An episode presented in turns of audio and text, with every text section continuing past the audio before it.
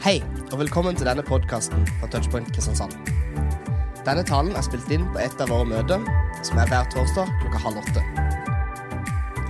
Gjennom de siste ukene så har det vært interessant å følge nyhetsbildet om korona.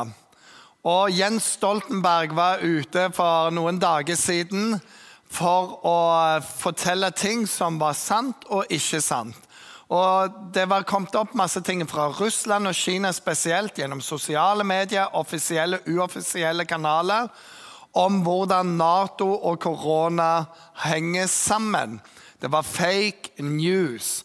Og Nato har lagd en sånn topp fem-liste over fake news som eh, det har blitt spredt rundt omkring. Den ene er Nato svikter sine allierte i kampen mot covid-19, hvilket ikke er sant. Den andre tingen er covid-19 er et våpen utvikla av Nato. Og Disse tingene spres rundt, og folk går rett på limpinnen.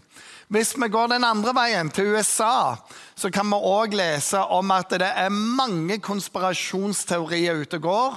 Og der har Kina lagd dette viruset med vilje for å gjøre masse Ustabilisere hele Vesten og, og det som er. Mange falske rykter overalt. Og det er ikke lett å vite hva er sant, hva kan være sant, og hva er bare fake. Hva er politisk motivert? Hvordan henger dette i sammen? Etter vi fikk sosiale medier, så har dette med fake news blitt tatt til et helt nytt nivå. Og Det er vanskelig å skille mellom det som er ekte, og det som er feil. Men når vi leser i Bibelen, så ser vi at fake news det har vært fra tidenes morgen av. Vi leser om at eh, i Edens hage, der alt var perfekt, der var det òg en slange. Og slangen begynner med å så tvil. Er det virkelig sant? Har Gud virkelig sagt det? Og begynner å plante inn en tanke om at kanskje jeg ikke har fått med meg hele sannheten her.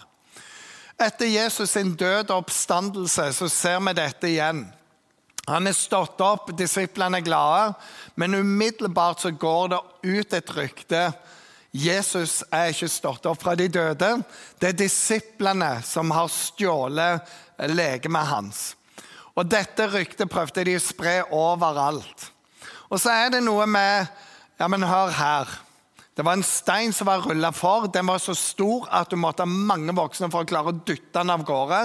Det ville lagd masse lyd, og det var vakter overalt rundt den graven. Hvordan skulle det ha skjedd? De ville blitt drept. Så sier jeg men vaktene sovna. Ja, men det var bare det at hvis du sovna på vakt, så ble du drept. For det, du skulle ikke gjøre sånne ting. Og ingen av de soldatene ble drept fordi dette var en statsløgn som ble planta. Videre så ser vi av disse vennene til Jesus, alle unntatt én, led martyrdøden. Og du, du, så mange folk lider ikke martyrdøden for noe de vet er falske nyheter. Og Vi ser enda en ting, og det er at Jesus viser seg for mange, og på et tidspunkt for flere hundre. For du kan si ja, de var jo høye på et eller annet. Ja, noen kan ha vært det. Men så mange og har det samme type hallusinasjon, det går faktisk ikke an. Men fake news har vært der hele tida. Prøve å bortforklare Gud, bortforklare Jesu oppstandelse. Og der vi er i vår serie, er vi i 2. Timoteus brev, kapittel 3 i dag. Og vi ser at denne unge Timoteus, som skal ta over for Paulus, han møter fake news, og han må deale med det hele tida. Når vi har snakket om Nato og vi har snakket om andre, så er det ofte fake news fra utsida. Det som var spesielt for han, det var at det var i eget miljø. Det var de andre pastorene, det var de andre lederne. Og de spredte utrolig mye fake news fordi de hadde en personlig agenda.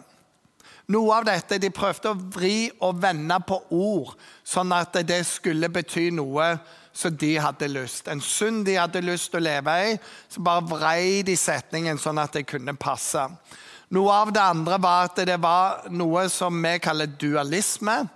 Det var, det var sånn grekerne hadde det. De trodde det var en atskillelse med kropp og ånd. Og de prøvde å få dualismen inn i det kristne budskapet.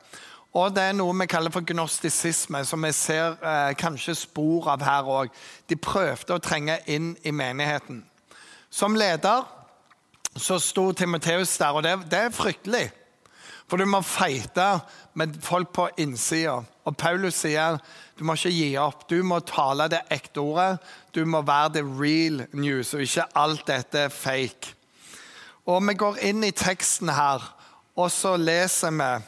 Men du skal holde fast på det du har lært og er overbevist om. Du vet jo hvem du har lært av. Helt fra du var et lite barn, har du kjent de hellige skriftene, de som kan gi deg visdom til frelse ved troen på Jesus Kristus. Hver bok i Skriften er innblåst av Gud og nyttig til opplæring, til rettevisning, veiledning og oppdragelse i rettferd, så det mennesket som tilhører Gud, kan være fullt utrustet til all god gjerning. Det er teksten, og vi skal gå igjennom bit for bit av dette her. Og vi begynner på toppen i dag. Og der står det sånn Men du skal holde fast på det du har lært og er blitt overbevist om. Du vet jo hvem du har lært det ifra. Du vet hvem du har lært det fra. Min kone Katrine hun jobber som gastrosykepleier. Det er de som stapper slange inn i hvilket hull du måtte ha i kroppen. Og det er litt sånn, Jeg har lagd slogans for dem. Vis meg ditt hull, og jeg skal vise deg en slange. Slangen for alle hull. og litt sånn. Av en eller annen grunn så har de aldri tatt imot dette. her. Men de er litt sånn der inn gjennom øregangen, ut stortåa, og så finner de noe. Og det som, Av og til så kommer hun hjem fordi vi har lest om en ny slankekur. Lavkarbo, det er veldig bra. 5-2-dietten. Spis fett hele tida. Spis ingen fett.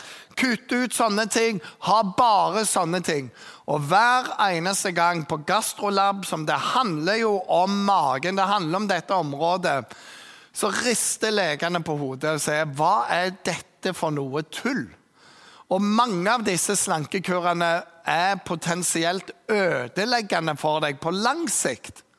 Men du går rett på, fordi det er jo en pen influenser som har sagt det. Eller en selverklært ernæringsekspert. Og så er det bare at disse legene som jobber med det hele tida, som graver i skrottene våre, de vet mer. Og Paulus sier til Timoteus, du vet hvem du har lært dette av. Så når du er med disse slankekurene, så må du spørre hva er kilden? Hvem har lært deg dette her? Og hvis det er en eller annen influenser, antageligvis litt dårlig kilde. Hvis det er disse gastrolegene, gastrosykepleierne, da må du høre på dem, for de vet hva de snakker om. Og Katrine ga meg 50 kroner for å si akkurat det i dag. Men det er de gamle rådene som er de beste. Spis variert, sov riktig, beveg deg. Da går det stort sett nokså greit med de fleste av oss. Men det er gastro. Og greia er fake news Real news hvem er kilden? Og Paulus sier det er meg du har lært av. Vi ser dette samme i teologi. Vi driver jo som pastorer og ledere. Vi legger ut Guds ord. Og når vi studerer, når jeg har studert andre Timoteus-brev, så har jeg lest i bøker om dette her. Folk som har studert virkelig ned i detalj. Vi kaller det eksegere. Vil si du tar ett ord og ett ord og ett ord og ser hva opphavet, hvordan ble dette brukt. Hvordan handler disse bibelversene sammen med resten av Bibelen? Og Det fins flere teologer som har skrevet bøker. Men det vi gjør, det er å finne ut hvem er mest troverdige. Hvem er det vi kan stole på? Og etter hvert så finner du en del som sier at de er veldig bra. Alt som Timothy Keller skriver, er knallbra. Vi kan stole på han. Og vi har en del andre sånne navn og personer. Og Det gjør at når jeg nå leser, så har jeg lest så mye av de forfatterne at jeg stoler på dem. Jeg vet hvor de er i forhold til Guds ord, jeg vet hvor de er i teologi. Og jeg kan bare begynne å bla opp og kose meg når jeg leser dette. Litt nerdete, det vi holder på med, men helt fantastisk. For jeg vet hvem jeg har lært av. Og Sånn er det med deg òg når du hører forskjellige ting, og det er mange forskjellige strømninger. Hvem er dine åndelige foreldre? Hvem er det du har stor tiltro til? For det kommer stadig bølger av ulike åndelige impulser. Og Den ene virker mer forlokkende enn den andre. og 'Nå må du gjøre sånn, og det er dette som gjelder.' og Alle andre har misforstått. Da er det lett å bli vippa av pinnen og bli helt sånn. Men Paulus sier du må vite hvem du har lært av. Og når du finner disse troverdige, så følg dem. Bare len deg inntil dem. For det er troverdig, det de holder på med. Og da kan de andre holde på med sitt. Så det er òg om teologien. Du får en generell tillit til person eller til miljø eller til en menighet. Og sier det de gjør, det kan jeg bare sette to streker under svaret på, for de er troverdige. Vi går videre i eh, teksten, og det, det står Helt ifra du var et lite barn, har du kjent de hellige skriftene, de som kan gi deg visdom til frelse ved troen på Kristus Jesus. Hei fra du var et lite barn. Og Det viser seg i tekstene at eh, både mormor og mor til Timoteus de var troende, og de innprenta med Guds ord. Og Det som er interessant for oss, de hellige skrifter, hva var det? Jo, Det er jo det vi kaller Gamle testamentet. Det var det de hadde. Han kunne ikke lese dette i Bibelen. Så Det gamle testamentet er en hellig skrift. Og det er nyttig for oss å lese i. Det er full av Guds visdom. Og så er det en veldig viktig ting som står her, og det er at eh, det er troen på Jesus som gjør at dette kan åpenbares. For det står så mye om Jesus, og Jesus er nøkkelen her. Og det er jo interessant. Jeg så en vits om ja, du vet, Bibelen det er jo en sånn gammel historiebok. Den er litt utdatert og gamle ideer. Og så ser du neste bilde, så sier han ja, men allerede i den andre boka, i andre Mosebok så står det at vi skal vaske hendene, vi skal ikke spise flaggermus. Og alle disse rådene som nå Folkehelseinstituttet har gitt oss, de står allerede der. Så kanskje ikke en er så utdatert. Kanskje hvis vi hadde fulgt de rådene litt tidligere, så hadde vi ikke hatt noe av dette. Bare en digresjon, by the way. Men de er nyttige. Videre i teksten så, så leser vi dette at hver bok i Skriften er innblåst av Gud, nyttig til opplæring, tilrettevisning, veiledning, oppdragelse i rettferd, så det mennesket som tilhører Gud, kan være fullt utrusta til all god gjerning. Hver bok er nyttig til det. Det var en som sa det sånn, Han jobbet med å finne falske sedler. Før vi bare brukte kort, så gikk vi faktisk med fysiske 50-lapper, 100-lapper i lommeboka. Og folk drev og kopierte falskt. Og så sier de hvordan finner du forskjellen på falsk og ekte? Hvordan kan du trene deg godt opp? Og svaret var alltid du finner det ikke med å studere den falske, for den er og blir falsk. Det Du må gjøre, det, du må bli en ekspert på den som er ekte seddel. Se opp og ned, rundt omkring. Se og Kjenn på den. Kjenn på strukturen. Kjenn på alt i sammen. Og Etter hvert så vil du kjenne det på grammet, du vil kjenne det på følelsen.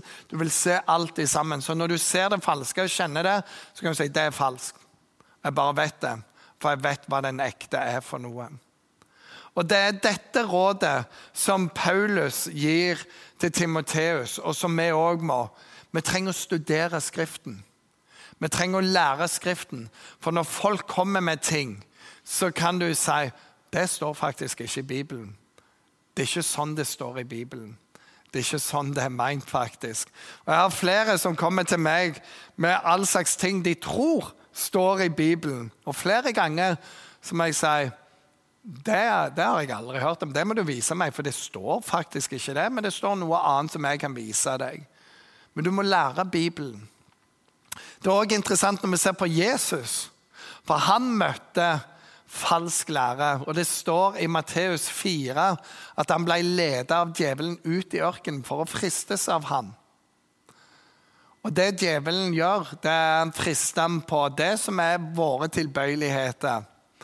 Det er rikdom, det er makt, det er posisjon.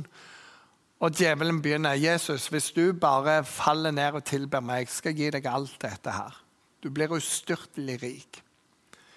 Og det Jesus gjør for hver eneste fristelse djevelen kommer med, det er å sitere et bibelvers.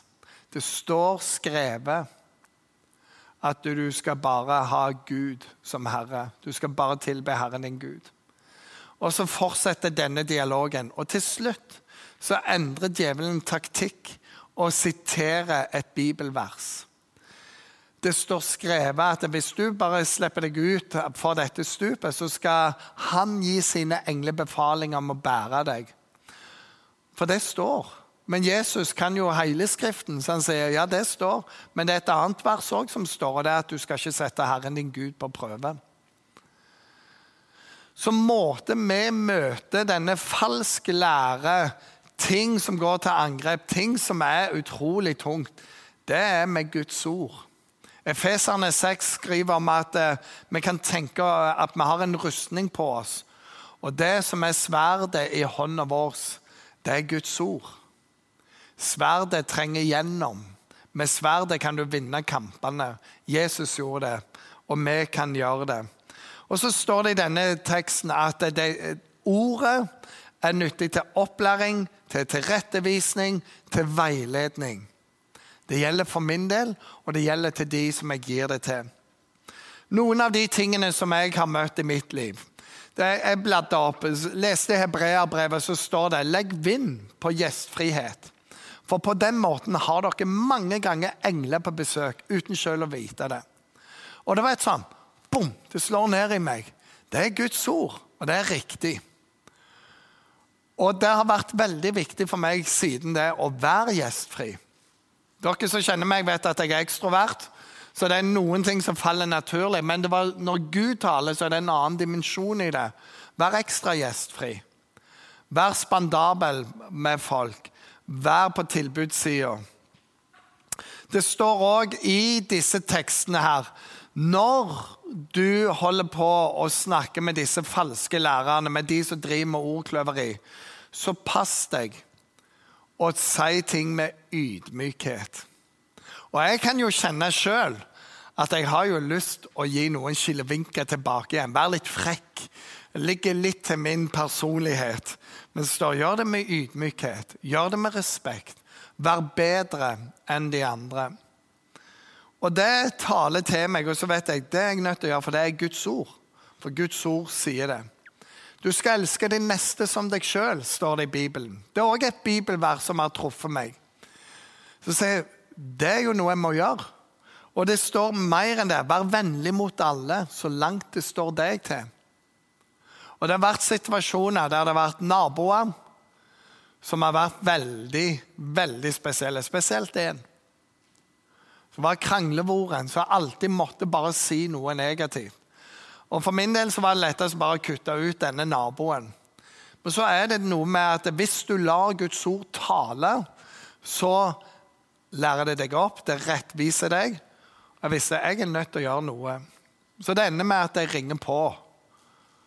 Og etter det så, eh, så, har vi faktisk hatt en veldig god eh, dialog og et vennskap som er i utvikling. Men jeg måtte trosse noen ting som var naturlig for meg. Og For oss alle så er det en vanskelig nabo, eller en vanskelig på arbeidsplassen, eller i familien, eller i klasserommet. Vær vennlig mot alle så langt det står til deg. Du skal hedre din far og din mor så det går deg godt, og du får bo lenge i landet. Det var et av de første bibelversene som talte til meg. Og jeg visste jeg hadde noe uoppgjort i forhold til min far, fordi jeg hata min far. Og jeg måtte jobbe lenge med det. Tilgi ting, jobbe i prosess, bekjenne ting. Og så endra det mitt hjerte til far òg. Og det er jeg evig takknemlig for. Det er noe med Guds ord. Hvis du lar Guds ord være den største autoritet i ditt liv Og Det er det Paulus sier til Timoteus.